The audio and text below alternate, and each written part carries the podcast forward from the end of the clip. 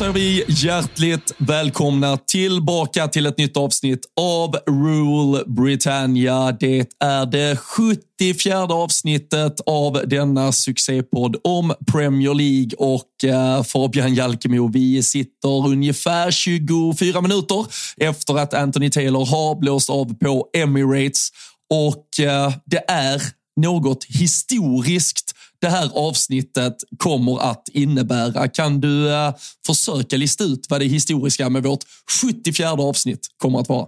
Alltså grejen är att du, du sa ju att det är historiskt och frågade om jag visste varför. Jag sa ju absolut nej. Men jag har ju fått tänka nu ungefär fyra minuter sedan vi började prata i telefon. Och min gissning är att det är det första avsnittet på de här 74 där Manchester United har vunnit och Liverpool förlorat. Det är helt rätt! 74 avsnitt tog det. Jag var tvungen att kolla. Hur fan gick det den där helgen när vi förlorade mot Tottenham? Jo, då tog ni ju såklart 1-0 i prutten hemma mot Crystal Palace. Det... Direkt, och direkt var man riktigt vidrig på Twitter och eh, stora trumman att det var podd på vissla och frågor och allting. Ja, men vad fan, det är, det är 74 och historiska avsnittet. Det är ju fan, det är klart du ska vara glad idag. Det är Kristoffer Triumf som säger det, det svåra, viktiga, vilket avsnitt han än kör i värvet. Och det här är fan det viktiga 74 avsnittet av Rule Britannia podcast. Fy fan vad taggad jag är! Ja, och fy fan vad jag tror att det ändå eh, det, det kliar i vissa att jag är så här ljus en och en halv minut in i avsnittet efter eh, Liverpools insats på Emirates.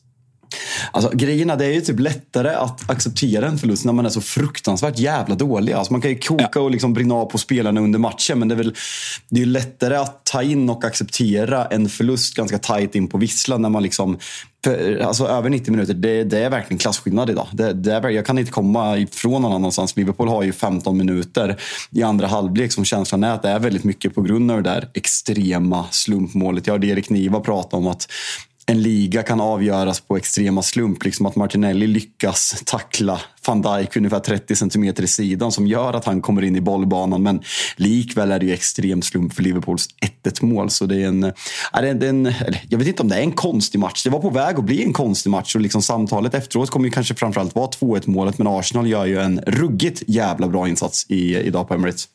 Ja, och, och det är ju, du, du gör ju analysen ganska snabbt. Det är ju därför, alltså jag, jag alltså, som du säger, nu, nu sprattlar ju matchen till liv genom det där uh, sjuka målet precis innan pausvilan. Men jag, jag har ju ganska mycket bearbetat förlusten i minut eh, 27 i stort sett, vilket gör att uh, vi är trots allt några timmar ifrån att jag trodde att Liverpool skulle, skulle vinna en fotbollsmatch den här söndagen. Så det är väl därför man är lite mer balanserad. Hade vi suttit på, på vissla efter den där eh, förlusten mot Tottenham i norra London, då, då hade det kanske aldrig ens blivit 74 avsnitt för eh, Rule Britannia känns det som. Nej, det, det, är mycket möjligt. Men vad eh, såg, om vi, om vi liksom ställer tillbaka, så, så här, vi får väl sätta på oss dumhatten lite för liksom, vi satt och ens, eller det var, jag, det var faktiskt jag som tog upp det, liksom att platsar, eller jag, jag sa inte så, men jag ställde ändå frågan lite. Hur ska Salah komma in i det här? För jag tycker att Liverpool ser fridigare ut än vad man kanske gjort på hela säsongen de här matcherna när Salah varit borta. Men är det så enkelt att en trend som kanske inte är hundra formen Joe Gomez som liksom ställs på, på, mot, mot, ett riktigt, riktigt bra lag. Att man blir lite blottare, att det där centrala mittfältet, att man ser liksom när man har en väl fungerande sexa med Declan Rice och Jorginho som är riktigt, riktigt bra idag, att Liverpools kanske inte räcker till riktigt som läget är just nu. Och, och att man måste spela Grameberg som jag, jag tycker han är ganska konstant svag i, i stort sett varje match han spelar. Nej, men hela, alltså, hela högersidan vi ställer ut idag är ju det, det, är ju matchens eh, tre blekaste i ett eh, i övrigt typ eh, likblekt Liverpool, men med Trent, Gravenbergs och, och Gakpo. Så det var ju motorväg i stora delar för Martinelli och ja, men hela den kanten. Och, och jag tycker ju Kunate är väl den som kommer undan med någon form av heder i behåll. Han får ju reda upp i stort sett på, på alla de tre positionerna. Han är, väl, han är väl inte riktigt framme och pressar där Gakpo ska vara, men både för Gravenbergs och för Trent så gör han ju jobbet väldigt många gånger och är väl den som ändå håller någon form av eh, nivå. Och eh, som du säger, alltså så här, ja, kanske var det den här matchen där någon form av liten skadefrånvarosbägare till slut lite rann över. Nu, eh, vi får inte Nunes till start. Salah är borta. ändå har inte hunnit tillbaka till det där mittfältet från de eh, asiatiska mästerskapen. Soboslaj får kasta in handduken, även om det verkar väl vara en precaution och att han förhoppningsvis snart är redo igen. Trent, är han på 60-70 procent? vi kan ju komma ifall någon har missat det. Så, så det tragiska kring eh, Conor Bradley som gör den här otroliga insatsen på Anfield i onsdags mot Chelsea 1 plus 2. Liverpool gick ju tyvärr ut med den hemska nyheten att hans eh, pappa vid 58 års ålder igår under lördagen gått bort eh, efter en tids sjukdom. Egentligen, man vet inte riktigt vi här ute i stugorna i alla fall hur, hur allvarligt det har varit och hur långdraget det har varit. Men, men det är ju klart att det är, eh, för det första att tappa en spelare som uppenbarligen har varit så bra. Eh, det, det, är ju sjukt i fotbollstermer att säga att Trent tvingas starta, men jag tror ju inte att kanske att, jag vet inte om jag tror att han hade startat annars.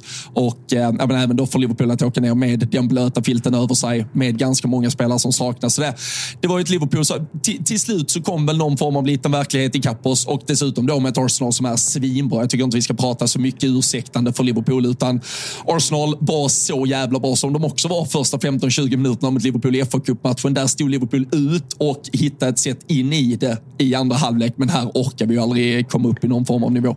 Men om vi bara liksom, innan vi går över och berömmer Arsenal, vilket vi ska göra, om jag bara får fråga gällande Liverpool. Är, är du förvånad över liksom starten? För det kände, alltså liksom, Liverpool är känt för energin under Jürgen Klopp och liksom att känslan har varit de här, nu, nu blir det liksom matchen mot Norwich, får man väl ta vad den är. Men framförallt Chelsea-matchen, alltså Liverpool går ut från direkt och liksom känslan har varit, jag fattar att man inte kan gå in, vi är i februari, det är många matcher kvar i många tävlingar, man kan inte gå ut med den frenesin och energin hela tiden för att det är Jürgen Klopps sista vår. Men jag vart chockad i läget Liverpool är i med ligatiteln. Att man, liksom, man kan spela bort Arsenal från en ligatitel den här matchen. Att det liksom, jag såg inte viljan, jag såg inte kämpaglöden. Det var liksom som att Arsenal var ett peak Jürgen Klopp-lag i inställning och i press och i återerövring. Allting. Liksom Liverpool såg ja, men, trötta och loja ut och det, det förvånade mig ganska rejält faktiskt. Ja, och jag, jag håller bara med och det, det förvånade mig också. Samtidigt som jag som jag väl tycker då, det, det är ju tyvärr, alltså skillnaden är ju kanske så enkel. Det är ju inte jättemånga skillnader i övrigt, men det är ju so Soboslaj, Bradley, Nunes mot Gakpo, um, Gravenberch och Trent. Och, och tyvärr, mm. man kan, alltså Trent, jag, jag älskar Trent och han har jävligt många färdigheter, färdigheter som jag håller väldigt högt. Men just energi bidrar inte någon av de här tre med. Och tar du då ändå bort 30 procent lite drygt av energinivån i laget, det är klart det får effekt. Och eh, speciellt när det är så ett extremt energiska spelare som kliver ut. Så det, hur mycket det är på, men även de andra kommer ju inte upp i nivå. Det, kan man kritisera, blev, förlåt Robin, men kan man ja. kritisera van Dijk någonting som liksom när, ja, laget inte, när laget inte har dagen, då vill man ju att han som kapten och liksom den spelaren han är kliver fram. Han är ju den, liksom, vi kritiserade honom i början av säsongen att han liksom såg lojare ut än någonsin. Sen han kommit tillbaka och liksom varit på en enorm jävla nivå. Men jag vill ju se honom liksom ta tag i det och visa liksom, kom igen nu, nu höjer vi oss. Vi är, liksom, vi är en titelstrid, men det är han som på något sätt är ansiktet utåt. Framförallt efter den dåliga första kvarten. Så han ser ut att skita i det och liksom andra halvlek liksom, Alltså, situationen, målet är så jävla dråpligt och sen ja, att han får bollen på sig så det blir liksom, system, liksom signifikativt för hela hans insats. Men jag, jag liksom, han ser inte ut som en ledare i den här matchen. Alltså, nu är det en smal no. referens för en jävligt länge sedan. Men United åker ju och möter Juventus i semifinalen eh, i, i Champions League 99. Och här, Keane, här, stängde, här, stängde, här stängde hälften av våra lyssnare. De har ingen aning om vad det, det, det, fan, man, man känner att man börjar bli gammal när man drar referensen 99 och sen många lyssnare var inte ens födda då. Nej, men jag tror att United ligger under med eh, om det är 2-0 eller, eller, eller till och med, jo 2-0 tror jag. United behöver göra två mål och då Roy Keane går ju liksom, blir totalt utspelade. Roy Keane hoppar upp och knoppar in en hörna till 2-1 och sen om det är Dwight York som sen gör mål som tas till finalen och liksom kommentatorn Roy Keane with a captain's goal for Manchester United. Och det är så här, van Dijk, van Dijks captain's, captain insat, eh, performance today för liksom ang, anglifiera uttrycket är skitdåligt idag. Och det, det oroar mig om jag ska sätta på mig en Liverpool-kostym som jag väl såklart inte vill göra.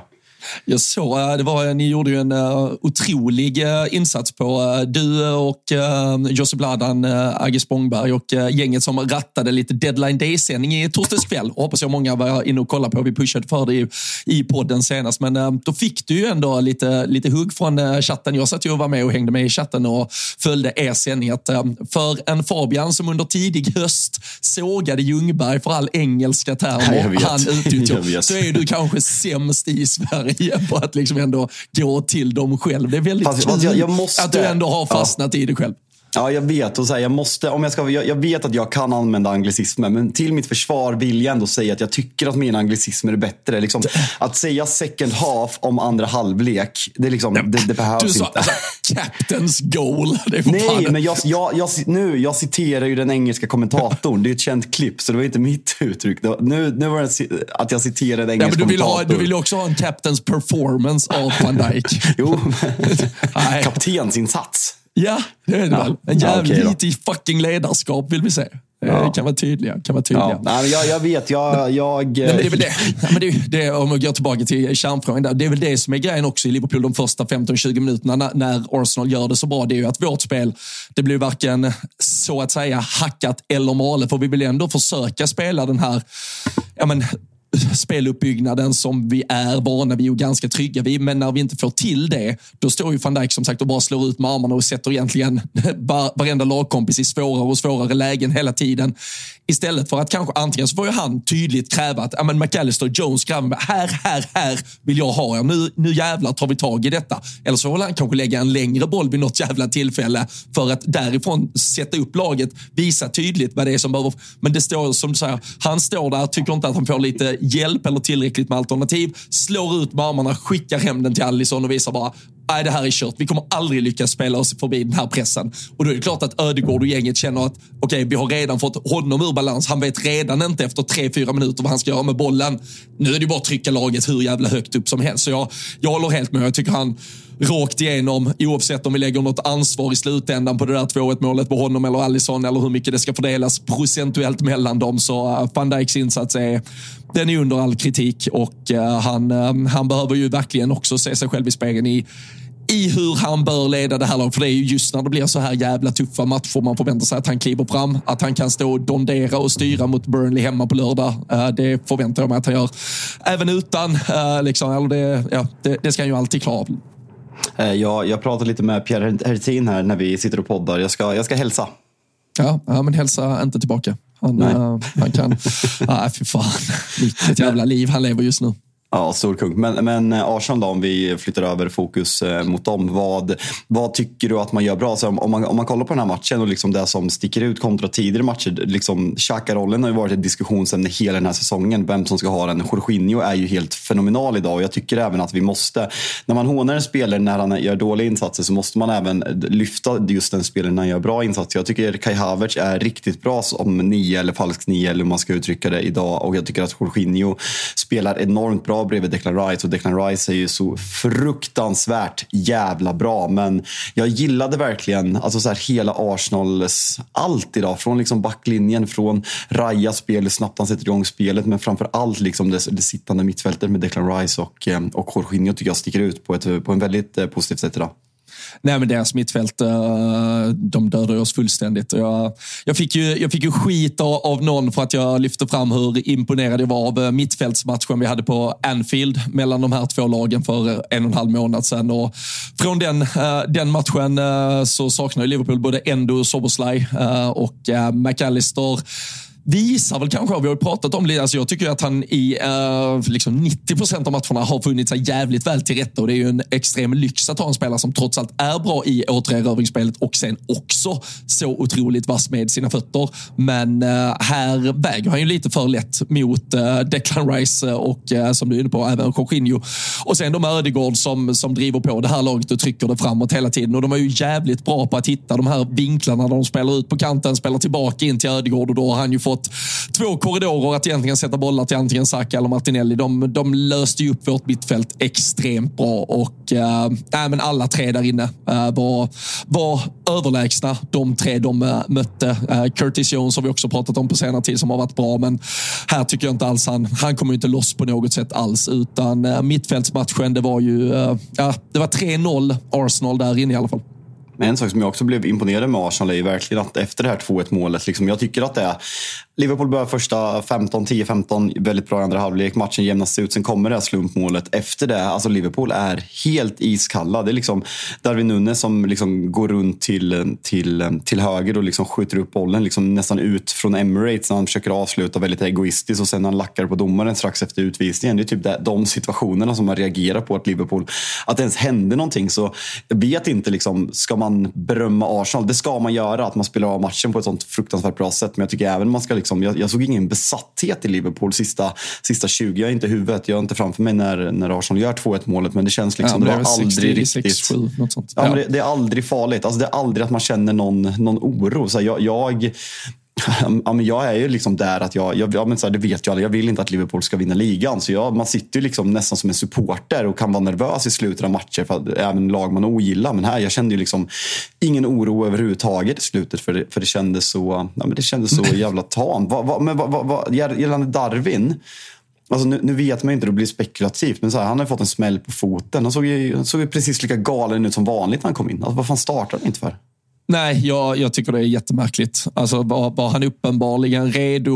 Om nu tanken var typ 30, men nu kastar man ju ändå in honom efter typ 55 eller någonting, så han spelar ju 40 eller vad fan det blir. Alltså, nog fan hade han kunnat spela 60 istället och då hade jag ju hellre ja, plockat av, eller jag hade ju hellre kört honom in i väggen och plockat av honom när det behövdes. För jag tycker att det gör ju att vi tappar, ja, eller att det blir för lätt för Arsenal redan från första halvlek. Alltså hellre sätta ut bästa möjliga lag från start och så får du väl eh, snurra av det lite. Sen, sen samtidigt får man väl ge Klopp, han har haft jävligt bra medbyten, matchcoachning, slutelva enligt gammalt eh, klassiskt Erik Hamrén-ordspråk. Så, så visst fan fanns det väl en tanke att vi skulle vara i matchen och han får ju delvis resa nu. Nu är vi ju där på ett jävligt orättvist sätt, men det är ju ändå stay in the game fram tills det har gått en timme och det är klart som fan det kan börja hända saker när vi kan slänga på en helt fräsch Darwin Nunes istället. Men med facit i hand känner man väl absolut att han borde ha startat istället för att, eh, för att komma in i ett lag där det redan då kändes som det var ganska uppgivet och framförallt så var det jävligt spretigt. Det var ingen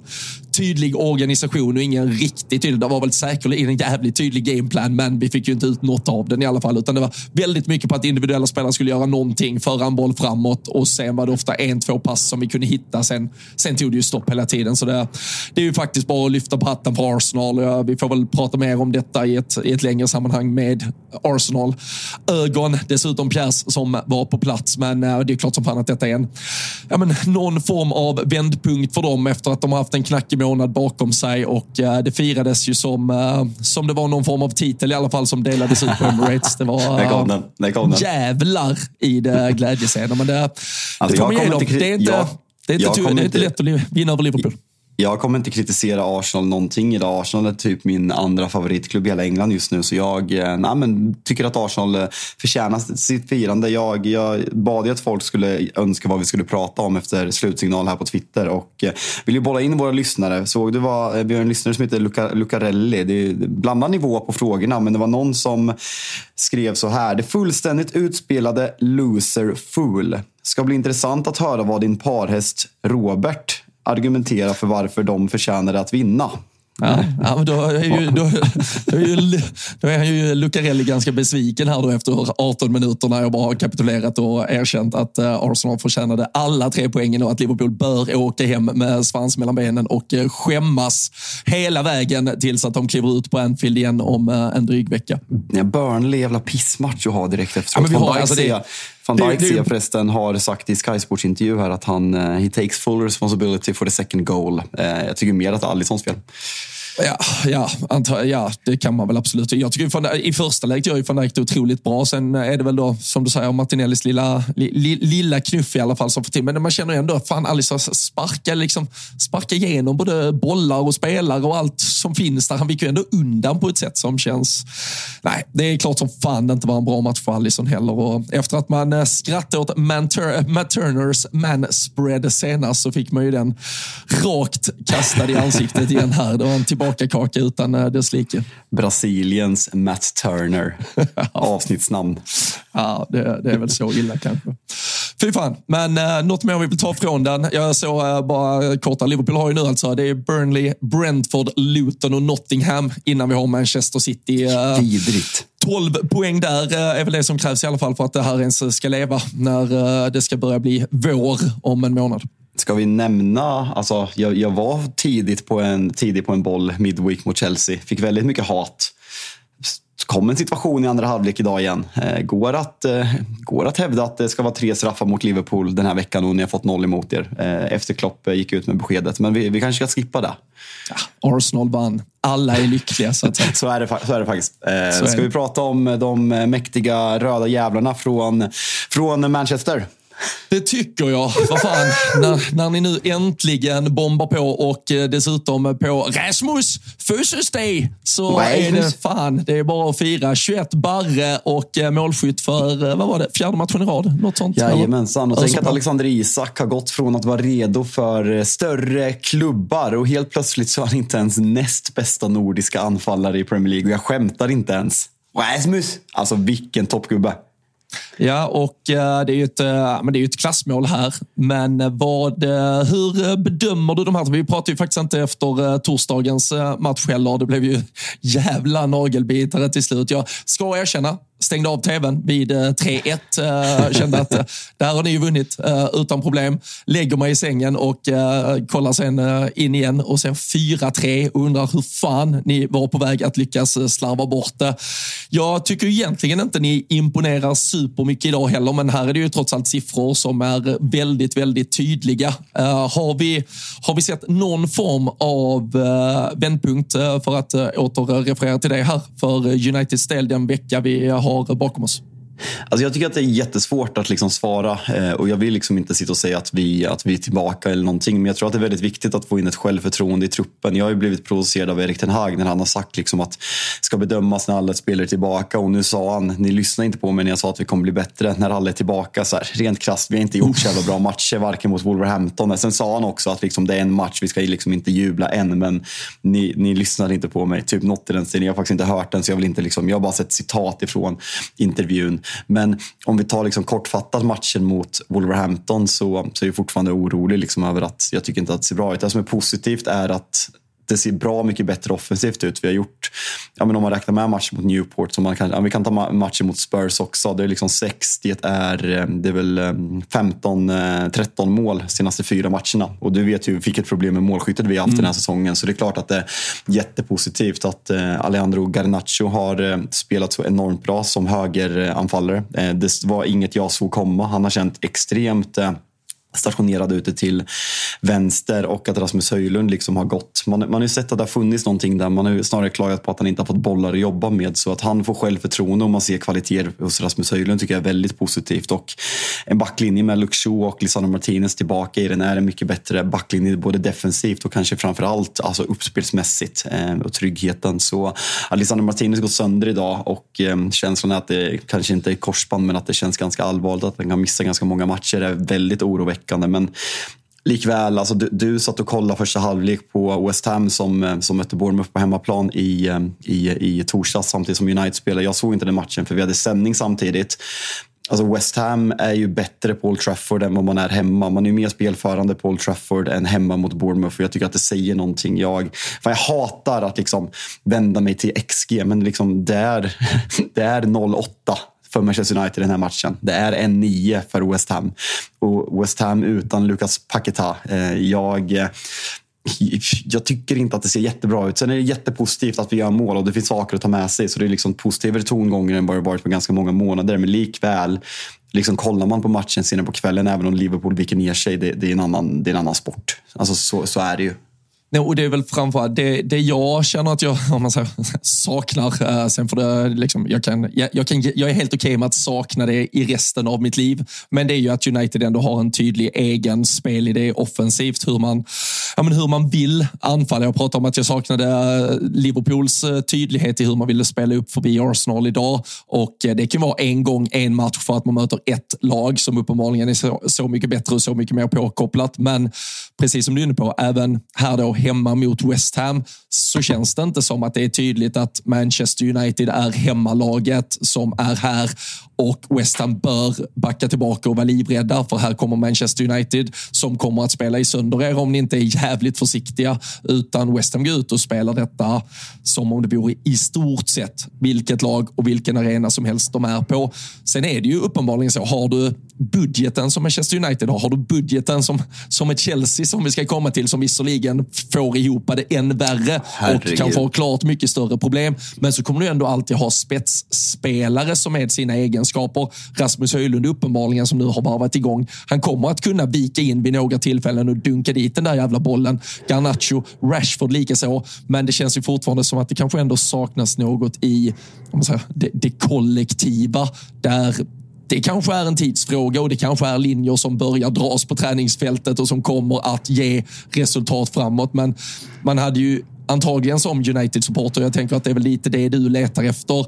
Det är ju tre, fyra, fem, sex, sju matcher i rad där man ser att ni spelar exakt samma typ av fotboll och på exakt samma ja, men, typ av sätt hittar målchanser och ja, men, äter upp och till slut bryter ner motstånd. För, för så vinner ni fortfarande inte fotbollsmatcher, utan det är väldigt mycket ändå tillbaka till individuell briljans från mm. ett par spelare. Och det, det, är klart att ni kommer ha bra spelare. Det är klart att det är en trupp med världsstjärnor. Men eh, just hur de kollektivt synkar har man väl inte än så länge sett så jävla mycket tecken på. Det här är grejen att man sitter liksom och diskuterar exakt samma sak som det var under Ole Gunnar Solskär. Jag, jag håller med dig till 100 procent. United har ju i stort sett inget eget spel idag hemma mot West Ham. Ett ganska begränsat West Ham med David Moyes som tränare.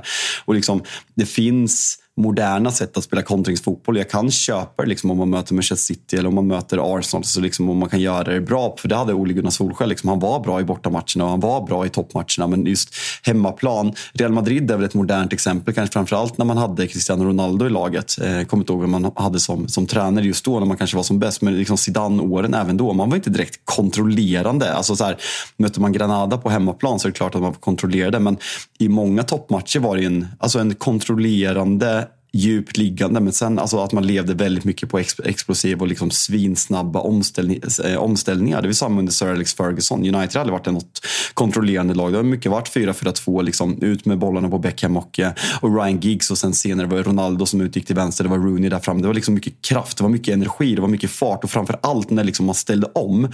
Så det går ju att vara modern, kontrollerande och samtidigt ställa om. Men just den här grejen att man inte kan ha ett eget spel och ofta försvarar med elva man för att sen kontra på sina snabba spelare. Att Bruno Fernandes kan skicka bollar på Garnacho och Rasmus Höjlund som kan göra mål på individuella briljans. Alltså folk som tror att det här kommer leda någon vart långsiktigt, alltså ursäkta men det, det, är så naivt. Jag vet inte om det är naivt eller okunnigt. Eller, jag vet inte. Alltså man, att man liksom, jag, jag kan uppskatta och tycka att det är fint med optimistiska supportrar men hur kan man sitta och kolla på det här Arsenal? Och liksom så här, sen kan du kolla på Manchester United. Manchester Uniteds 11 är bra mycket dyrare. Erik Ten Hag har fått värva majoriteten av de här spelarna. Och vi är så fruktansvärt långt ifrån det spelet Arsenal visar upp idag mot Liverpool. Och att folk tror att det kommer vända. Ska vi ge Erik Ten Hag ännu mer pengar för att värva spelare som ska försvara sig konstant? Jag, jag, jag fattar inte det. Sen fan, jag vill inte sitta och låta negativ. Vi har gjort mål på två matcher nu. Och Bejaka vi har, vi har tagit två raka. sötma för fan. Njut ja, av den. Och sen ska vi nämna, måste nämna Kobe Mainos mål mot Wolverhampton. Det är absolut säsongens finaste ögonblick. Liksom 97, släpper in mål 95, gör mål 97. Liksom local lad. Han har hyllats att han får göra det där målet. Det är sån jävla klass. Och en jättefin vecka för Manchester United, men lik likväl, så här, om man får någon som skriver i DM, vad säger du nu då?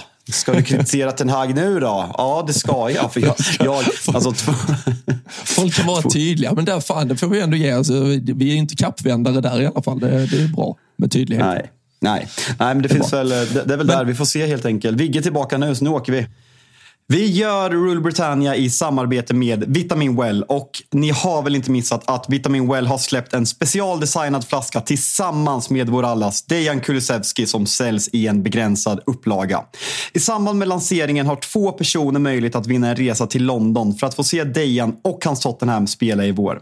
I priset ingår flyg, hotell, matchbiljetter för två personer och en unik meet and greet med Dejan himself efter matchen inne på Tottenham Hotspur Stadium. Jag själv har varit där och jag lovar att det är en upplevelse. Nej, men det är det ju verkligen. En arena som eh, på alla sätt och vis eh, sprakar och eh, med tanke på fotbollen Tottenham spelar här just nu så kan man ju bara ja, men man kan förvänta sig en underbar upplevelse i London och det är så jädra enkelt att vara med dessutom. Man behöver bara köpa två flaskor valfria Vitamin Well i närmsta butik. Där finns en QR-kod att scanna i butiken och sen fotar man sitt kvitto, laddar upp det på landningssidan man kommer till. Superenkelt att vara med alltså och chansen till en otrolig vinst här med resan till London. Den här tävlingen som Vitamin Well kör, den pågår fram till den 3 mars mars och vinnaren offentliggörs senast den 12 mars. Så passa på nu. Spring ner, köp två flaskor valfria Vitamin Well och ta chansen att vinna den här otroliga tävlingen som vi kör tillsammans med Vitamin Well. Men du, en äh, fråga som äh, jag, jag satt och, och, tänkte lite på. Jag såg någon, eh, äh, jag, jag halkade in i någon diskussion kring det. Marcus Rashford, vi pratade om hans äventyr i Belfast senast och han var ju tillbaka som målskytt direkt mot Wolverhampton. Men så eh, jag, jag, jag, läste lite, och eh, liksom, så här, jag kom in i den här jävla tråden man pratar om honom. Och just det, som du säger, där gäller att gå tillbaka till det här med spetsegenskaper och vad han kan göra. Och vi vet ju att han är ja, men fan, bland de bästa i världen på att ha bollen på fot, komma rättvänd, vända in och vrida mot bortre hörnet från den där vänsterpositionen. Och ja, men även en mot en-spelet och sådär. Men just att han är för lat då för att spela egentligen, om man säger modern fotboll, om vi går till de här Arteta, eh, Pep, Klopp-spelarna som förväntar sig så jävla mycket mer av sina yttrar. Är det Eh, kan det vara något i det att Marcus Rashford som fotbollsspelare också är, är lite för lat för att få tillräcklig utväxling defensivt just i hur laget ska återerövra boll? Ja, nej, det, det, tror jag absolut. Jag tycker att det är en bra analys. Att liksom, kollar man på de spelarna, det, det, det, det är inte många klubbar som har den lyxen. Det, är bara att kolla på PSG när man ställde upp med tre sådana spelare samtidigt i Neymar, Messi och Mbappé. Liksom ett lag som är bland de bästa i världen kanske har råd att ha en sån spelare och det är knappt det. Marcus Rashford är långt ifrån så bra att, man kan, att han är tillräckligt bra för att man ska spela så. Och det är det som är lite diskussionen med Bruno Fernandes också. Eh, han, han, är inte lat, men liksom är han en modern spelartyp som, spel, som tränare som Pep Guardiola eller Jürgen, eller Jürgen Klopp eller Mikel Arteta eller Roberto De Serbi vill ha? Eller spelar han för mycket på chans? Att han, liksom, han gillar inte att kontrollera bollen och kan vill liksom slå avgörande passningar konstant och tappa initiativ i matcherna. Jag är osäker och det är en jättestor debatt i Manchester United-led. Vissa älskar ju Marcus Rashford av, som eh, programledaren för United-podden Adam Fröberg som jobbar på Fotbollskanalen nu. Han är liksom, alltså Marcus Rashford är ju hans absoluta favoritspelare. Och de diskuterar det här, liksom, får man rätt bud i sommar på Marcus Rashford, ska man sälja? Och alla i podden var lite så här att det börjar nog faktiskt landa i det. Han har trampat snett ganska många gånger och man ser ingen förändring. Han ser inte ut att vilja. Och Adam är verkligen så här att Nej, det är Marcus Rashford och jag har jätterespekt för det. Jag har inte exakt samma känslor som, eh, som Adam för Marcus Rashford och jag, just att han ser så uttråkad ut. Att han ser inte ut att vilja spela för Manchester United. Matchen idag mot West Ham, klart sämst i Manchester United ännu en gång. Och han är totalt iskall, så jag, jag är jätteorolig. Är... Och sen om där, ja. Ja, men det känns som lite liknelsen till Trent i Liverpool. Känns det inte som att de har något uh, lik, alltså sin lite deppiga uppsyn. Bara så man vet briljansen som finns där. Men det är inte alltid så jävla roligt att göra jobbet. Liksom. Och det, nej, det nej. kan du inte unna dig. Nej, exakt. Alltså, så här, verkligen. Och Trent har ju haft jobbiga år. Alltså, han har varit helt fantastisk. Sen tycker jag Trent, eller tycker det, det, det, skulle jag säga att den som inte tycker har fel. Trent har ju presterat på en hög nivå jämnare och längre än Marcus Rashford. Marcus Rashford har haft glimtar av absoluta världsklass och förra säsongen är väl den enda liksom, 12 månaders perioden som han var yttersta världsklass. Och sen nu är han tillbaka och det är så här, Trent har ju varit ja, en av världens bästa mittbackar, arguably liksom, de senaste fem sex åren är det väl. Han debuterade mot Manchester United, hade en jobbig första höst eller vår, men senaste Alltså sen Liverpool går till Champions League-final första gången. Alltså han är ju mm. liksom, han är helt otrolig sen dess. Och sen har han haft liksom någon, någon dipp i form, absolut. Men absolut likheter i uppsynen och det där, jag som alltså själv liksom är en känslomänniska och gillar när folk visar känslor på planen. Jag blir enormt provocerad när jag ser när, när liksom, ja. alltså, det, det, rationella i mig för, förstår ju också att Trent inte egentligen bryr sig mindre och jag förstår att han inte kämpar mindre än de som det rinner svett på. Men ibland, framförallt när man ligger under i en match, då vill man bara se det. Då vill man bara se att det pulsar på ett sätt som man inte får. Det får man inte från van Dijk heller, men det är ju för att alltså det är ju antagligen är det ju exakt. Det, det, och de, men det är ju antagligen det som har gjort dem till typ världens bästa fotbollsspelare, att de just har det lugnet. Men som supporter hemma i soffan när det brinner, då hade man ju bara velat se det där, liksom, det som Gerardsen och det gänget gav på ett innermittfält när man växte upp med fotbollen. Men äh, det är väl en svunnen ja. tid kanske. Alltså så är det ju, men det, det är samma som van Dijk. Han har ju liksom det här holländska liksom arrogansmen som, som blir på något annat sätt. Men jag, det var en av anledningarna till att jag aldrig, jag vet många United-supportrar som liksom håller Antonio Valencia högt. Jag, nej men jag, jag ogillade Antonio Valencia mycket. Jag, liksom, han provocerade mig, hela uppsynen att han inte visade en känsla någonsin och att han inte lärde sig engelska och även blev kapten i Manchester United. Jag kan inte ta mig till en sån spelare. Ska man ta sig till en människa som inte visar känslor, då ska det vara typ en en Berbatov, eh, en Berbatov-figur som liksom är snarare som en konstnär. Är du med? Liksom, det är en ja, stor men, skillnad. Men Okej, okay, skitsamma. Ja. Jag dunkar in tre i krysset. Jag behöver väl inte bry mig. Liksom. Okej, okay, fine. Ja, men Balotelli också. Alltså, Balotelli ja. ett, Balotelli är ett alltså, psykfall. Men så här, på, ett, på ett skönt sätt. Alltså, det är klart att man har varit provocerad av Balotelli, men man uppskattar liksom sådana som berör. Och jag Marcus Rashford, just nu så tycker jag att det är väldigt jobbigt och liksom skulle vi få ett bra bud så tycker jag nästan att vi ska ta det. För jag har svårt att se Marcus Rashford bli liksom en, en startspelare i ett lag som vill utmana långsiktigt. För även om det låter vi så jävla långt ifrån just nu så måste det vara målsättningen för Manchester United att vinna över de allra bästa och då tror inte jag långsiktigt att Marcus Rashford ska spela 38 matcher i en vänsteranfallare roll. Det är bara att kolla ja, men Martinelli. Jag vill ju tycka att Marcus Rashford är en bättre spelare än Martinelli, men det är han ju inte. Sen kollar du liksom Liverpool, Luis Diaz, tar ju honom alla dagar före Rashford. City, ja, Doky har inte spelat så jävla länge. Jack Grealish, alltså alla tränare som kan någonting. Liksom, Rashfords peak är absolut bättre än Grealish, men som spelare tar nog absolut Grealish före. Vinicius Junior, alltså, gå och kolla på varenda lag. Vad spelar Villa där ute? Leon Bailey eller vad? Vem brukar de spela? De alltså, kör ju knappt de, de, Nej, de har ju den de märkliga varianten utan vänsterytter. Nej, de spelar så jävla konstigt. Men alltså som Anthony Gordon. Vem tror alltså, ja. Du tar ju hellre Anthony Gordon än Marcus Rashford just nu. Och så här, hur, hur, hur, istället. Nej, nej där, där sätter jag ner foten. där går gränsen. Där går gränsen. Nej, men du, du fattar vad jag menar. Jag att, det, är liksom, det, det, går inte att vara bra vart tredje år och ha glimtar på, på, på två månader per säsong. Det, det går inte. Då måste det se ut att vilja spela. Och det provocerar mig jättemycket. Eh, ska vi, vad fan har vi mer idag? Ska vi gå ja, vi till Mudryks lag?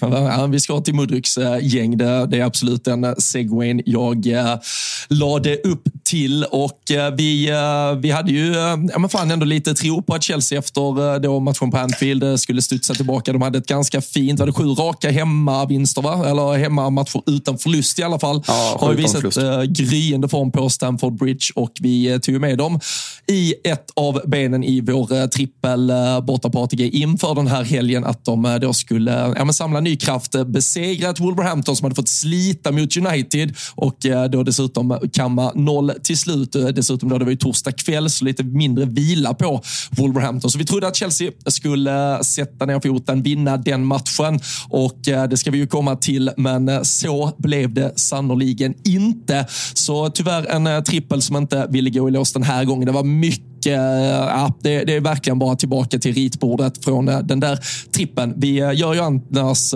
varje helg och eller om det då är stora midweeks också, tripplar borta på atg.se. Där ska man hålla utkik redan nu tidigt här i veckan. Det brukar vara tisdag, onsdag, så öppnar vi dessutom upp våra Big Nine-andelar som man brukar behöva. Fan, om inte hänger på låset så måste man i alla fall vara ganska aktiv framåt mitten, slutet av veckan. För annars går de åt och vill man ha en andel så får man alltså hugga. ATG.se slash tutto. Där samlar vi allting vad vi har i spelväg och eh, är man intresserad att rygga någonting där så är det 18 år som gäller. Skulle man ha problem med spel så finns stödlinjen.se. Men eh, det såg ju inte helt jävla fel ut inledningsvis. 1-0 Chelsea, sen rann det på åt eh, fel håll. Ja, alltså jag, jag som sagt, Manchester United spelar samtidigt här så jag har liksom inte suttit och kollat den här matchen.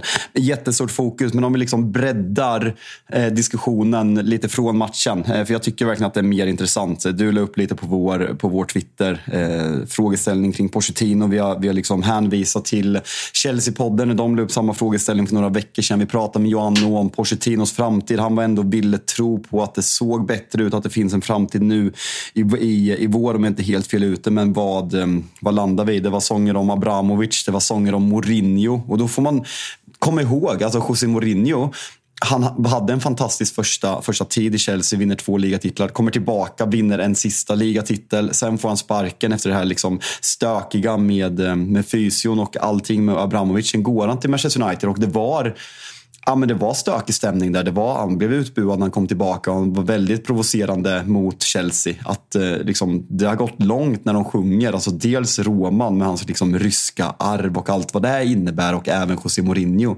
Efter de senaste, ja, men om det är 8-9 år sedan han lämnade Chelsea sista gången. Det, det, är en desperat klubb som sjunger efter de här två. Eh, efter 2-4 ja. hemma mot Wolverhampton. Ja, ja verkligen. Kan, eh, kan fan också rekommendera om folk inte har, har sett den. Eh, Putins oligark, eh, jag tror den ligger på SVT Play, om det var uppdrag, nej, inte uppdrag, utrikesbyrån kanske det som gjort den, om, om just Roman i, i tider då vi ska förfäras över ja, lite suspekta statliga ägande av fotbollsklubbar och där Chelsea då under 20 år ungefär romantiserade Roman Abramovic ägande så kan man få en, ja, om inte, om inte inte nyansera det, är väl Är det alla oligarker? Alltså, nej, det, det, det, det är Roman, nej, Roman Abramovic i fokus och hur uh, saker och ting som behövde försvinna i hans liv ofta försvann och uh, saker och ting som behövde falla på plats ofta föll på plats och uh, ganska, ganska ja, äh, raka, tydliga band till äh, Vladimir Putin. Och, äh, det har väl inte varit någon hemlighet, och, äh, men jag kan varmt rekommendera den. hur, dels hur han bygger sitt imperium, men sen också hur det försvaras med hjälp från den absoluta toppen i Ryssland när det behövs. Så, det, ja, och när vi diskuterar svåra ägare så ska vi nog inte glömma hur jävla egentligen svår den där relationen var kring Abramovic eh, i Chelsea. Men eh, Chelsea-fansen får såklart gärna hålla honom högt och gärna vill ha tillbaka honom. Men eh, det rimmar kanske inte helt med hur man vill se på den ja, fotbollen framåt egentligen. Om jag läser lite fort här och du ställer frågan på Twitter. Har Pochettino kvar jobbet när han vaknar imorgon? Eh, ägaren borde avgå med den truppen. Hoppas han försvinner långt in med the special one. Hoppas inte, vet inte. På ett sätt hoppas inte. Samtidigt, vem ska ta över detta sjunkande skepp? Borde vara med innan han somnar ikväll. Eh, det är sån jävla katastrof det här. Hoppas verkligen inte han har jobbet kvar. Det är, eh, nu liksom det, det, är åtta personer på, på Twitter slash X som har kommenterat. Men eh, man ser eh, Chelsea-fans börja tröttna. Vart, eh, vart landar du? Och liksom, liksom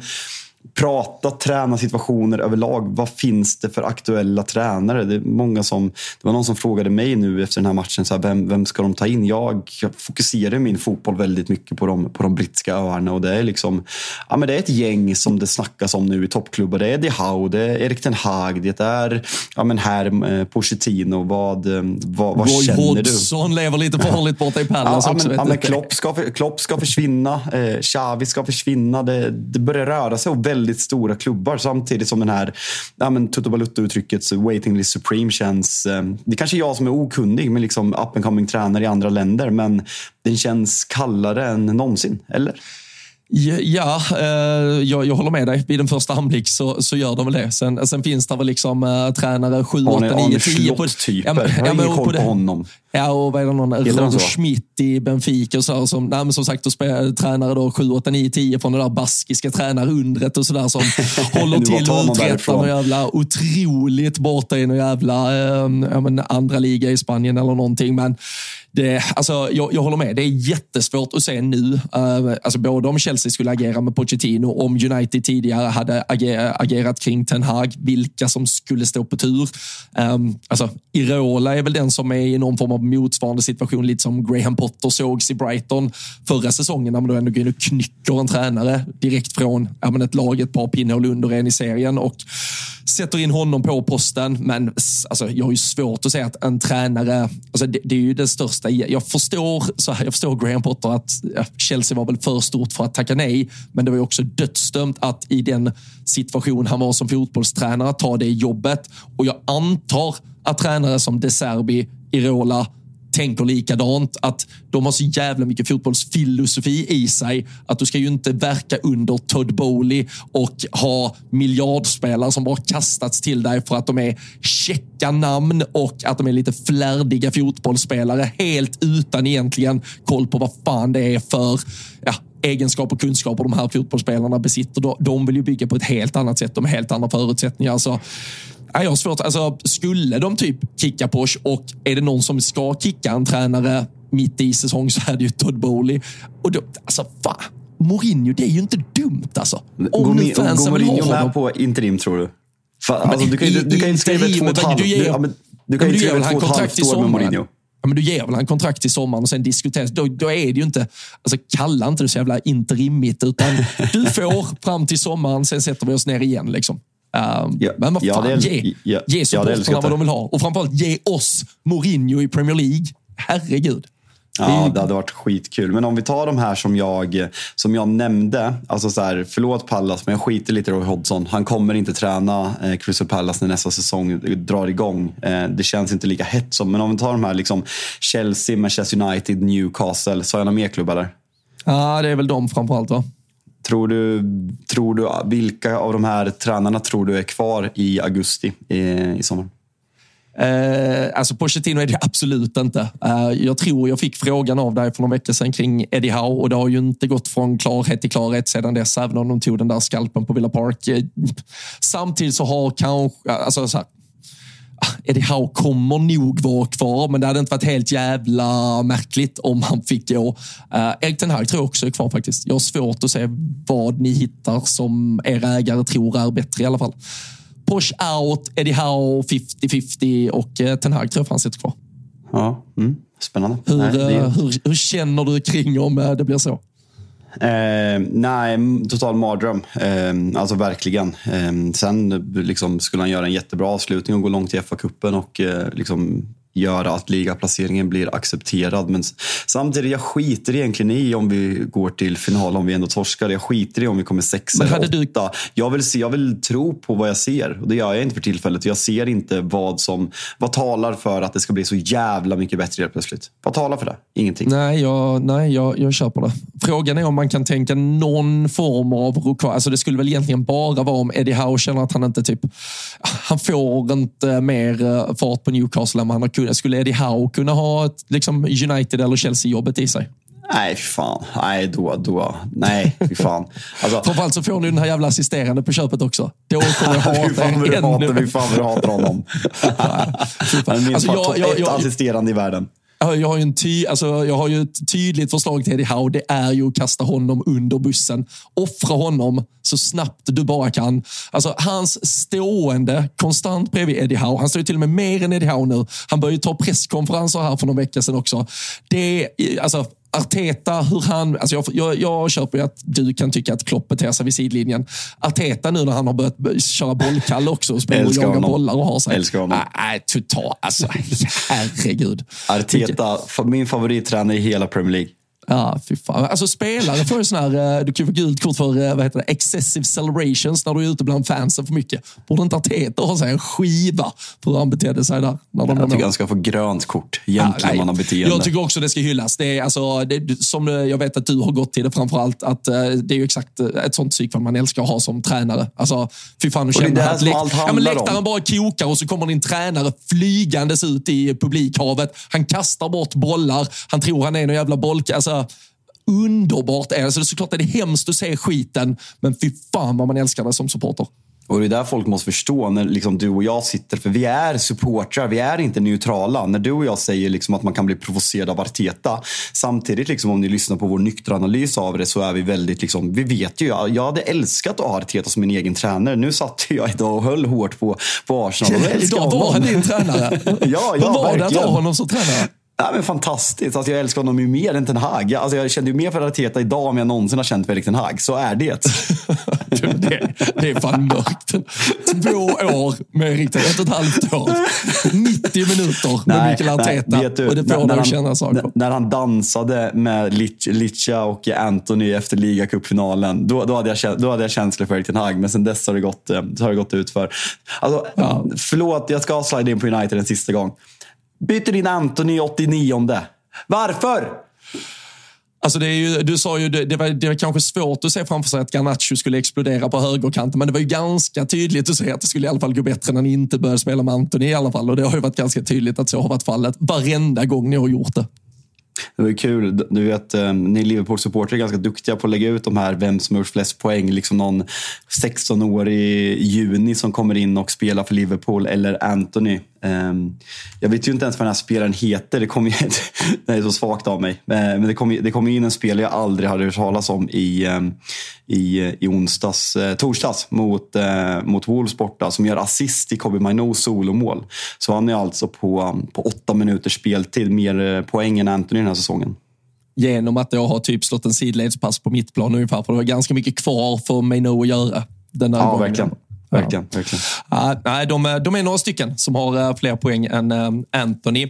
Vi, uh, vi får se. Det kan väl vara så att när folk då lyssnar på det här avsnittet kan det vara så att Pochettino inte har något jobb kvar. Men jag känner nästan att oavsett om han har jobb eller inte, efter 4-1 på Anfield som kunde varit typ 10-1 ifall David Nunes kanske hade spelat med den där jävla stödpjäxan han tog på sig efter matchen istället. Och sen då 2-4 hemma mot Wolves när man skulle studsa tillbaka tillbaka så känns det som att det är dags att kröna Pochettino till Fool of the Week. Det känns inte som att vi kan ha något motbud kring någon som har gjort, gjort det värre den här veckan. Nej, den, den är faktiskt no-brainer. Omari Forsson heter han förresten. Har vi hört på honom? Ja, men bra gubbe. Alltid gillat hans sidledspassningsspel ja. på mitt plan ja. till Kobe Maino, helt enkelt. Ja, nej, nej, det är bra. Nej, men som sagt, eh, Porsche, Fool of the Week. Fan, Chelsea. Jag, jag, jag, jag skrev det, om det var eh, till Johan Kücükaslan när, jag, när vi pratade Liverpool förra veckan på, på Twitter, att eh, det är skönt att Chelsea finns. Liksom, de gör det ju ganska mycket enklare. Liksom, jag kan sitta och spotta på Manchester United och säga att det är parodiskt och att vi sköts på ett parodiskt sätt. Men det är alltid skönt att Chelsea finns där, som är alltid lite lite värre och lite sämre och lite mer patetiska. Eh, så det, det, det, är faktiskt skönt. Så Pochettino får ta skott för den här, eh, den här, det, den här veckan efter liksom åtta insläppta på, på två matcher. Dels hemma mot Wolverhampton och borta på, på, på Anfield. Så full of the week, eh, Maurizio Pochettino. Gratulerar vi till. Gratulerar ja, verkligen. Jag vill börja snacka lite Tottenham. Mm. Och ska vi börja det... Fan, jag, jag känner att det, vi är 50 minuter in. Det kan bli lite långt idag, men jag känner faktiskt att det är okej. Okay långt, men det är så jävla okay. trevligt. Exakt, så vi, vi ska hinna med. Vi fick, vi fick skäll av någon Newcastle-supporter senast att eh, vi inte pratar efter Newcastles vinst mot Aston Villa. Men den här veckan ska vi prata om Newcastle, så oroa dig inte. Får se om man lyssnar ens. Men eh, ska vi börja prata lite Lukas Bergvall? För vi har faktiskt inte pratat sen deadline day. Det blev ju på något sätt, vi svenskar kanske förstorar det med tanke på att han är svensk och som tror att det var hela deadline days absolut största sak. Men om vi börjar med frågeställningen som jag tycker är mest intressant. Hur stort är det och vad säger det om Premier League? Vad säger om kanske vart Barcelona är att Lucas Bergvall uppenbart prioriterar bort Barcelona för att gå till Tottenham?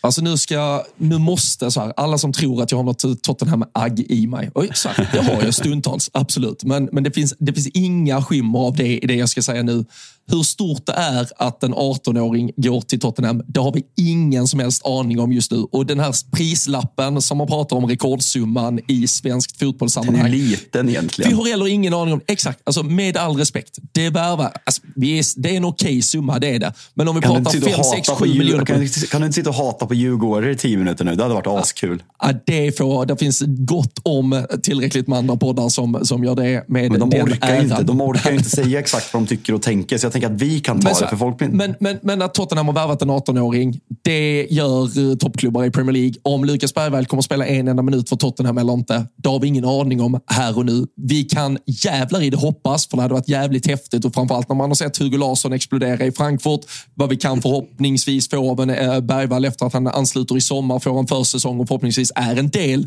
av planerna i det här Tottenham-laget, så är det ju såklart. Och då kan vi börja prata om att det är jävligt häftigt att han om det nu var ungefär liknande förutsättningar och en liknande halvt utstakad framtid som alltså, hade mött honom i Barcelona ifall han hade valt det så är det jävligt härligt att han väljer Premier League. Sen eh, är det väl lite jobbigt för Spurs-supportrarna att han egentligen är United-supporter. Väl ganska uttalat.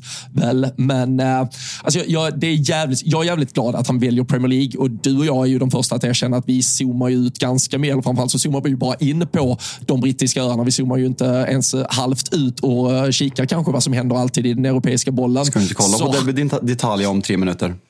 Jag kommer ju inte, alltså det är ju därför vi med för vi har ju hela söndagen fri. Alltså det finns ju ett, eh, ett fotbolls-Europa som ligger i sofforna nu med tanke på att det är Madrid-derby och det stora italienska derbyt mellan Juve och Inter. Men du och jag, vi sitter ju här och kommer ge ja, men Brighton och Crystal Palace några minuter samtidigt ändå. Och eh, därför är vi ju jävligt glada såklart att Bergvall väljer Tottenham. Och jag hoppas ju, Postosoglu pratar ju ändå om honom, det lilla som Anders Bjur fick ur honom i någon intervjumikrofon om en spelare som ändå är värvad till det där A-laget. Så, så det är klart som fan det kan bli jävligt häftigt om han kan få utväxling eh, i Tottenham. Och antar att eh, BP-skolade kompisen eh, Kulusevski har eh, liksom gett sitt ja, men green light åt eh, båda hållen på att det här kan vara en eh, match för båda två.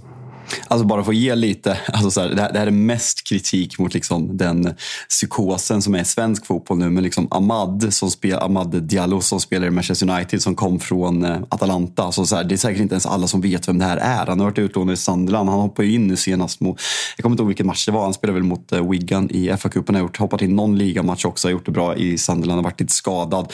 Han kom ju alltså 2021, samma ålder som Lukas Bergvall. Han kostar alltså 25 miljoner euro plus eh, inklusive add-ons 40 miljoner euro. Och det är så här, vad har hänt med honom då? På tre år, han är 21 nu. Hur mycket har han spelat? Pelistri kostar 10 miljoner pund nu. Fine, han spelar i uruguayska landslaget, men han liksom han är inte en spelare som, som spelar i Manchester United. Man, man, ska inte liksom så här, tro att Tottenham satsar jättestort på Lukas Bergvall. Han ska in direkt och liksom, det är liksom höjbjer på det där mittet. Så han går in direkt. Liksom, så enkelt är det inte. Men jag håller med dig. Jag, liksom mina, jag vet inte om man liksom är, är konstigt. Men så här, mina svenskglasögon, jag tycker bara att det är skitkul att han går till Tottenham. Även om jag håller på en rivaliserande klubb till Tottenham så tycker jag att det är roligare att han går till Premier League. Precis som du säger, att vi får följa att det nu är liksom Alexander Isak, Dejan Kulusevski, att det är eh, Anthony Langa, att Lukas Bergvall kommer, att Viktor Gyökeres ryktas. Det är skitkul att de bästa svenskarna och en spännande generation svenskar på väldigt länge spelar i ligan som vi älskar och rapporterar i podden. Så det är bara positivt för oss, alltså både på ett poddsammanhang men även på ett personligt plan. Att man, att man förhoppningsvis får konsumera honom längre. Men samma sak, det är bara att kolla på, på, på Yasin Ayari som liksom, enligt mig hade visat mer i allsvenskan innan han går till Brighton. Och folk börjar prata om Brighton, att de är så jävla bra och plockar upp liksom okända människor från Sydamerika som liksom går in och dominerar direkt. Yasin Ayari har varit utlånad till Coventry, platsar inte. Han är nu utlånad till Blackburn, platsar inte där. Så liksom, det kan, det, det behöver inte gå så jävla fort alltid. Så folk måste vara medvetna om det. Ja, nej men verkligen. Och, eh, och det är ju också samtidigt alltid den här avvägningen. För däremot det finns ju, alltså, Kobe Maino har vi pratat om nu, alltså, det finns ju också 18-åriga mittfältare som går rakt in och, och, dominerar. Medan vi i Sverige nu tycker att ja, men Bergvall han får ju ha två, tre år på sig att spela sig in i det. Alltså, är du, är du riktigt jävla bra, då ska du gå in och konkurrera direkt i sommar. Så det, det, blir, äh, det kommer vara jävligt kul att följa eh, försäsongen och hur snacket går inför säsongen. Äh, man vill ju i alla fall att han är verkligen med och konkurrerar om en plats i det där laget. Annars äh, är det väl lite illavarslande. Alltså om det ska igång en jävla lånekarusell direkt, som du, som du var inne på med Jessie Najari-fallet. Det, det brukar inte sluta så jävla bra i alla fall. Så jag, jag hoppas han är tänkt för det där Tottenham-laget i alla fall. Eh, vad, om vi pratar Tottenhams match mot Everton då. Eh, Everton, eh, alltså Everton är så jävla konstiga. Alltså att de ligger där nere. De, de är ju stundtals jävligt bra. Ehm, det, det jag tar med mig är väl egentligen tre saker. Jag, jag, vill inte ta alla tre spaningar från, eh, för det är kanske de mest obvious. Så att, eh, eller jag, jag gör fan det så får du tycka till. Men liksom att Everton fortsätter leverera. Att eh, Vicario, eh, alltså jag, jag, jag driver såklart här, men liksom att det där jag sa efter match 1 som jag har fått äta upp rejält, att han inte var redo för det engelska spelet med det fysiska, att de här två målen släpps in. Och sen samtidigt tycker jag att det är kul Även om han är en väldigt provocerande person och figur. Men jag uppskattar honom på många sätt. Att liksom det har blivit en jävla redemption-höst och även fortsatt, fortsättning nu på våren. Och kanske framförallt sen Son åkte på asiatiska mästerskapen för Richarlison. För fan vad bra han är. Och att liksom, vi skrattade åt honom förra året att han knappt gjorde något mål. Det var väl liksom ett ligamål mot Liverpool när, ni, när, ni, när han gör liksom kvitterar och ni avgör. att han hade Exakt. en poäng. Exakt. Han var liksom ett skämt och liksom Tottenhams näst dyraste. Jag sa dyraste värvning genom tiderna, men det är tydligen en Dombele som är den dyraste. Helt sjukt nog. Alltså det är helt, helt sanslöst. Såg du bild på honom? Han är inte smal. Jag kan, eh, kan tänka mig Fan, han spelade väl ändå i Napolis eh, scudetto-vinnande lag förra säsongen? Va? Ja, han spelade inte jättemycket. Ja, han, tillhörde, han tillhörde ja. absolut, det gjorde han. Han var utlånad dit. Så nu har, jag vet faktiskt inte vart han har gått. Om det är Saudi, eller om det är Kina eller om det är Turkiet. Nå, någon av dem är känslan ut, En utcheckad fotbollsspelare i alla fall. Ja, men verkligen. Men vad, vad, vad känner du med det här Spurs? Ska man liksom... Alltså, de är ju inte men... bra. Vad är, vad är taktiska analysen av, av Arnches spel den här matchen? Är höga backlinjer och skit eller? Ja, nej, men det är det ju. Och uh, nu har de väl okej okay kontroll kanske defensivt ändå. Den här matchen. Van de Ven visar ju... Alltså, så här, jag, jag förstår ju till stor del varför du i alla fall alltså, är beredd att spela en väldigt hög backlinje för van de Ven. Han, han springer ju ikapp allt, i stort sett alltid. Sen tycker jag ju den, den går ändå till eh, där någon form av ja, men, naivitet går, går över i dumhet. Och, eh, alltså så här, var, var, exakt du väljer att ställa dig Nu har vi pratat ofta den höga backlinjen i det offensiva, eller i det alltså, öppna spelet. Nu väljer man ju samma, någonstans ändå jävligt höga backlinje på en frispark som Everton får i, vad är vi uppe på, 92-93 minuten eller någonting någonting och ska då försvara egentligen felvänt istället när de eh, hittar in med bollen. Romero kommer ju inte till den, kommer inte loss med huvudet helt enkelt, utan skickar den ju bara, skarvar den i bortre och så kommer ju Brentwaite och, och trycker in den där istället. Så det, det, det, känns som att det ändå är så små detaljer som hade kunnat att Tottenham, och nu, alltså Tottenham har gjort en otrolig säsong. De får många resultat med sig, men det känns som att man med ganska små justeringar hade kunnat ta några poäng till. Sen kanske det kan vara så att de här alltså valen att inte göra justeringarna, att någonstans vara beredd eller offra och ta de där smällarna som det ibland innebär, kanske är så pass mycket läropeng till att det kommer ge sån jävla effekt nästa säsong när man känner att pressspel sitter på ett sätt som gör att man aldrig kommer ens hotas bak i den höga backlinjen man ställer och då, då kanske Ange skrattar bäst som skrattar sist. Men jag tycker ändå det är små detaljer man hade kunnat justera för att kunna få ännu mer ut av det de ändå har. Och eh, som du säger, Richarlison har ju jag vet inte vad han kan vara uppe i, men det känns som en ja, tio mål senaste tio matcherna. Eller någonting. Jag såg, jag såg någon så fantasy, nu, nu blir det, det, det, det är fantasy-referens men det, det är inte syftet med fantasy. Att han sen omgång 16 eh, i Premier League så har han gjort mest mål, han har skjutit mest skott, han har flest, eh, mest XG eh, involvements, han har eh, mest fantasypoäng och eh, no, alltså han är typ etta på allting. Eh, alltså vi, alla vi kan helt enkelt summera att han har varit typ eh, den hetaste spelaren sedan början av december eller någonting de senaste ja, två månaderna. Ja, typ. exakt. Ja, och det, nej, och det, jag, jag tycker det ser så. Han, det, han, han, är ju spelaren, på, ta, på tal om de här spelarna som inte ser ut att bry sig så jävla mycket. Han ser inte alltid ut att bry sig så jävla mycket. Sen har man ju ändå ett jävla raseriutbrott och en vansinnestackling i eh, honom alltid. Så det, det bidrar han ju ändå med. Men om vi pratar lite Tottenhams offensiv och går tillbaka till svenskkopplingen så är väl frågan om man ska vara lite, lite orolig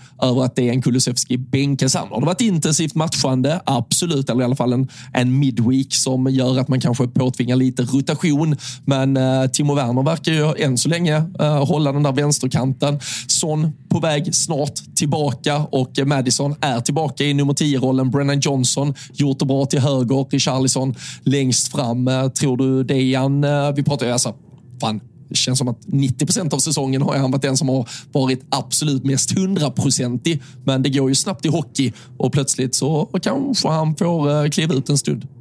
Alltså jag, jag, tror inte det. Det känns som att Arn chillar honom väldigt mycket. Jag tror att det bara är en rotation. För liksom, det är ju Richarlison, Werner, Madison, Brennan Johnson, Kulusevski och eh, sånt som kommer tillbaka. Så det är, liksom, det är, en, det är en fin bredd på det där mittfältet. Och nu när Sarri är redan tillbaka, eh, Bentancourt kommer komma tillbaka. Bentan, eh, sa jag Bentancourt? Du sa Bentancourt, men du menar Bissouma? Jag menar Bissoma. Jag menar Bissoma. Mm. Bentancourt okay. har kommit tillbaka eh, och liksom Höjbjerg som liksom är...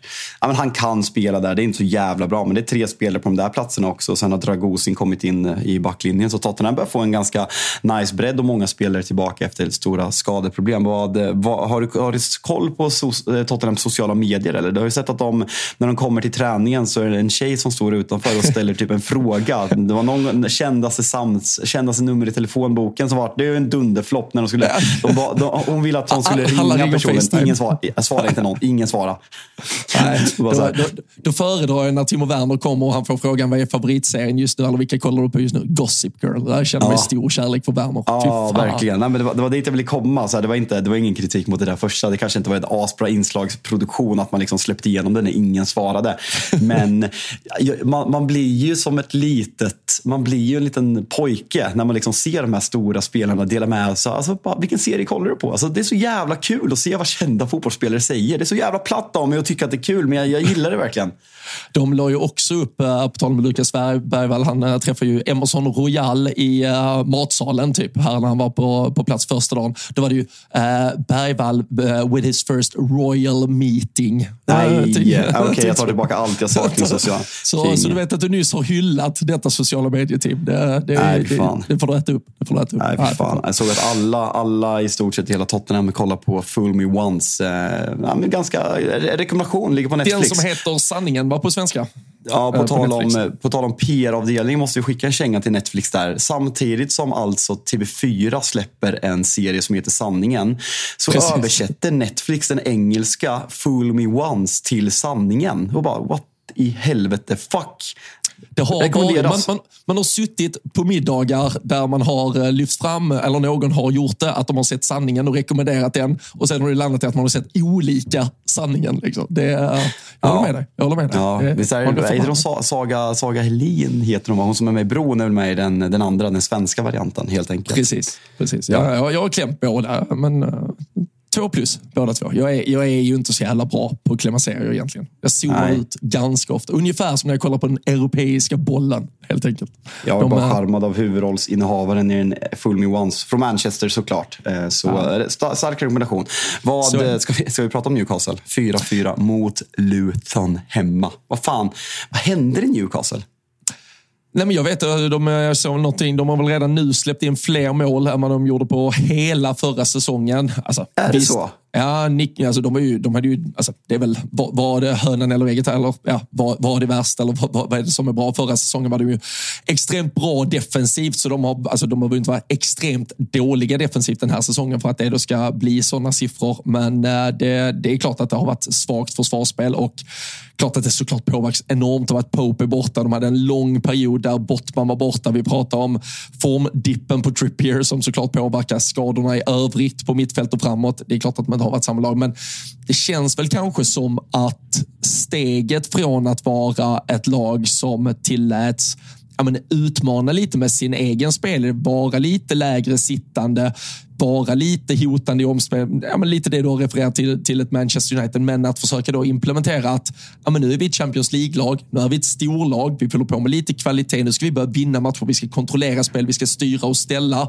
Sen då det kombinerat med så mycket skador det har blivit och det har ju då inte kanske gett det här jävla projektet, om vi kallar det det inom citationstecken, rättvisa. Men så känns det ju som att det har blivit det har blivit för mycket, eller det har nog blivit någon tanke om att de ska vara ett lite så att säga, bättre fotbollslag än att vad de lite var redo att vara.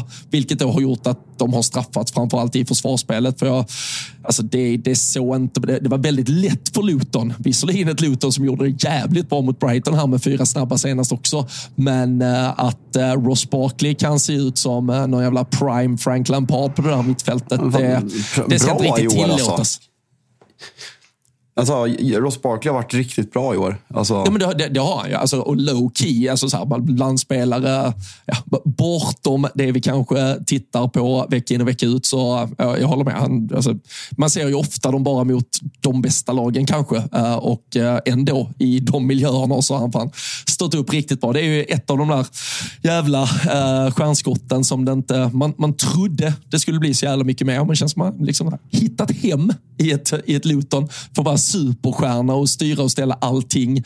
Men uh, där, där, är väl lite mentalt svajig kille, va? Uh, är det inte så? Ja, men det, det, känns som det. Jag tycker han var riktigt bra i, i Everton. Alltså det kändes både han och John Stones när de kom upp att det var liksom the real deal.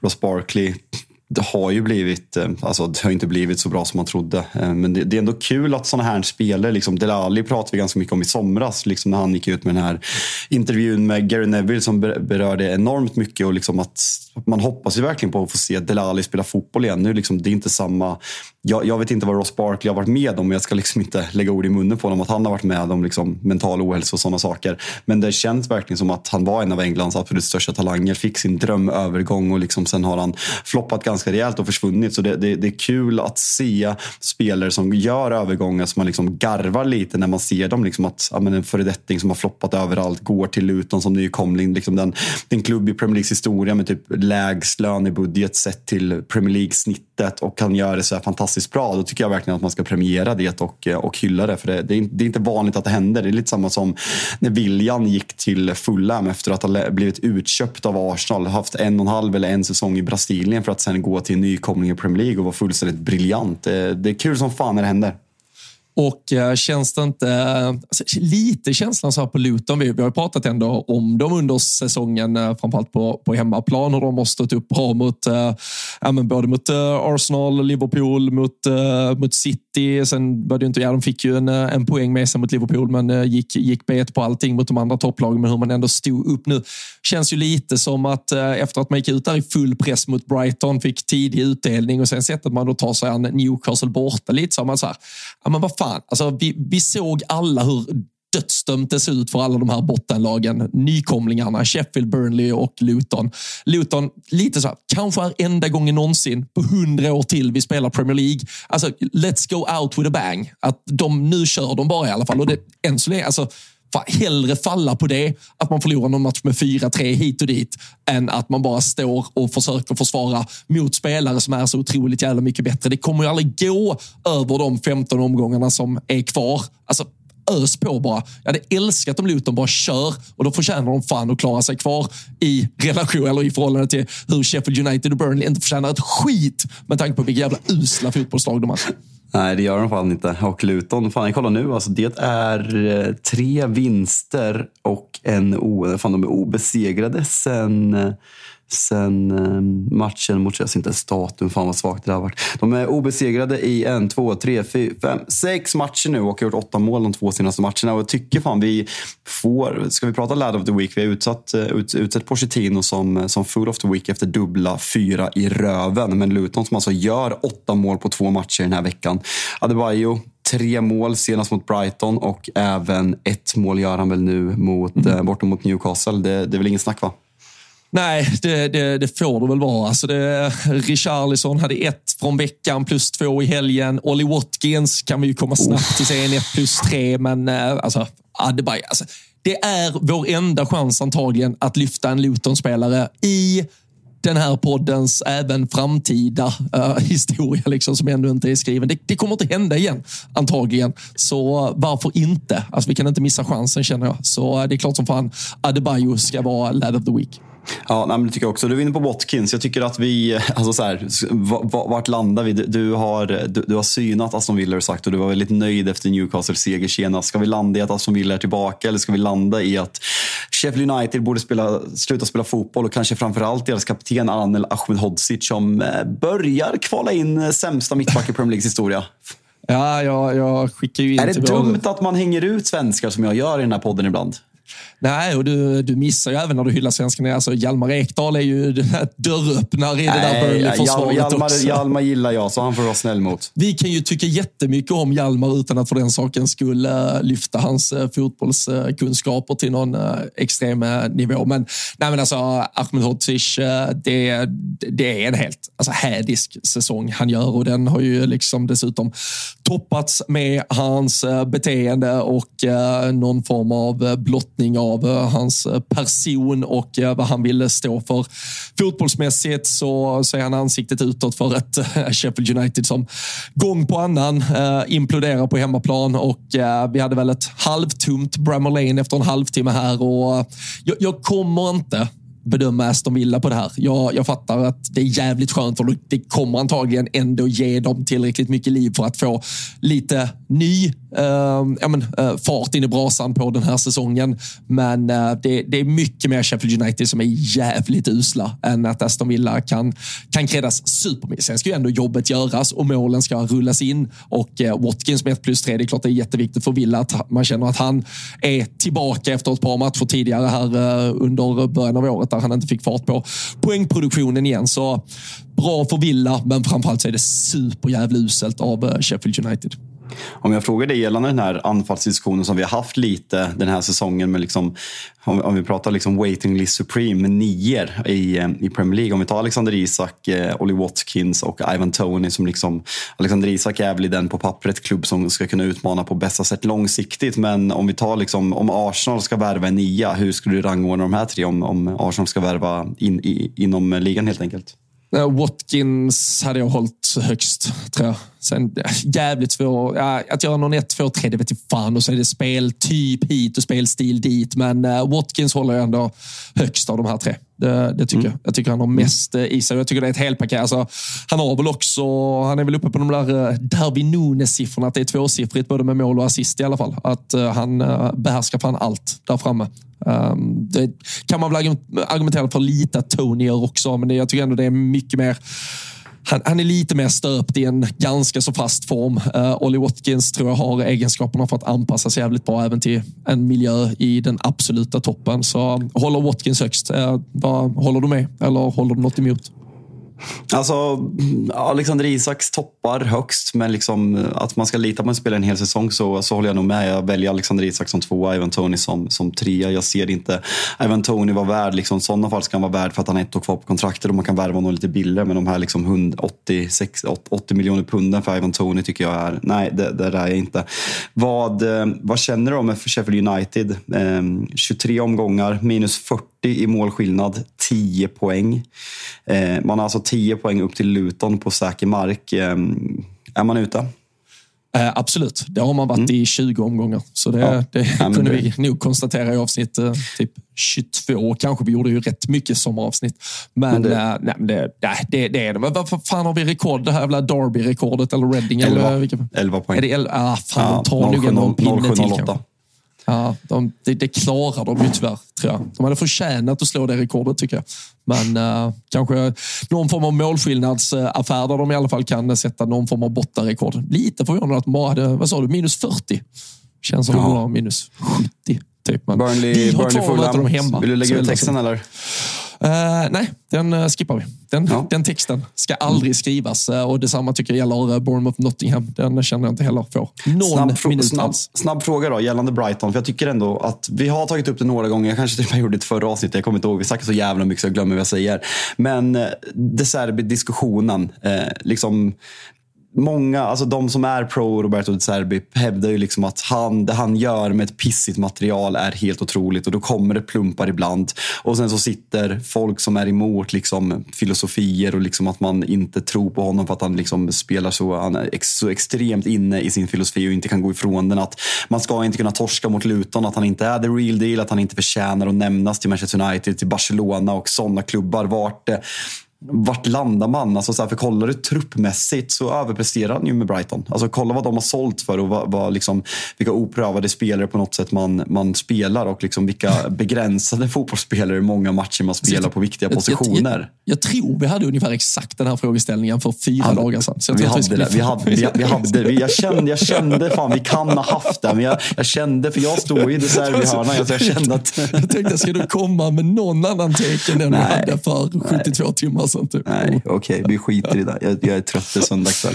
Ja, det, det är vi däremot kan... Jag var ute sent igår. Ja, och du är ursäktad, men det vi nog kan kont eh, konstatera däremot, det är att eh, efter att vi har skeppat ut de här skitlagen den här säsongen och jag tror Crystal Palace kommer att klara sig. Det är mycket på grund av att de trots allt, när de är skadefria, har Eberechi Etze och eh, Mikael Olise. För när de två pyser från Selhurst Park i sommar. Då är det tack och hej till Crystal Palace eh, och eh, sen vet ni fan när vi ser dem i Premier League igen för det. Som lag så är de inte bra och eh, Roy Hodgson är ursäktad. Jag, jag ser Roy lämnar i sommar om han ens är kvar så länge och sen sticker ju ja, men Etze, Olise, äh, Gehi, allt det de har som ändå är lite talang och sen vet ni fan om Crystal Palace repar sig från det. Det, eh, det känns som de har haft turen genom att få, eh, tur, finns väl en viss, ett visst mått av skicklighet i att få upp eh, de här spelarna, men de är ju alldeles för bra för det här laget. För som lag så tycker jag inte de räcker till egentligen. Så uh, Crystal Palace, tidigt spel på att de åker ur nästa säsong helt enkelt. Ja, det, det, det, gillar jag. ATG får helt enkelt lösa den. Ska vi, ska vi nöja oss där eller? Vad, tycker ja. det. Vi är på 75 plus eh, tillägg och eh, jag, äh, känslomässigt är fan, jag är, jag är i fas igen. Kan, kan till och med få en trevlig söndagkväll känner jag, efter att ha fått prata av mig. Ja, nej, men alltså, visst är det lite terapi att liksom så här påvissla. Sen är det som, som, som, du säger, liksom, det är skönare när man är riktigt dålig att man liksom kan acceptera det så man slipper prata liksom, avgörande domarsituationer och liksom, avgörande eh, konstiga situationer som liksom upp, ska, ska skapa debatt. Men det är kul som sagt som neutral. Men det är, så här, det, det, är ganska skönt att man liksom kan acceptera förlusten. Att, att, den, att den kommer på ett normalt sätt. Nu, nu känner jag att jag börjar bli trött. Jag vet inte ens vad jag säger längre. Så nu, nu är det fan dags att, eh, nu är det dags att sluta prata känner jag. Vi gör som så att vi eh, avrundar. Vi önskar alla en riktigt skön start på veckan. Eh, vi är eh, tillbaka senare i veckan och antagligen då igen så kommer Fabian komma med det otroliga diskussionsämnet Roberto De Serbi. Är han bluff eller är han på allvar? Vi får se om vi tar upp bollen då helt enkelt. Men tills dess, som sagt, vi önskar alla en riktigt skön start på veckan. Ta hand om er så hörs vi snart igen.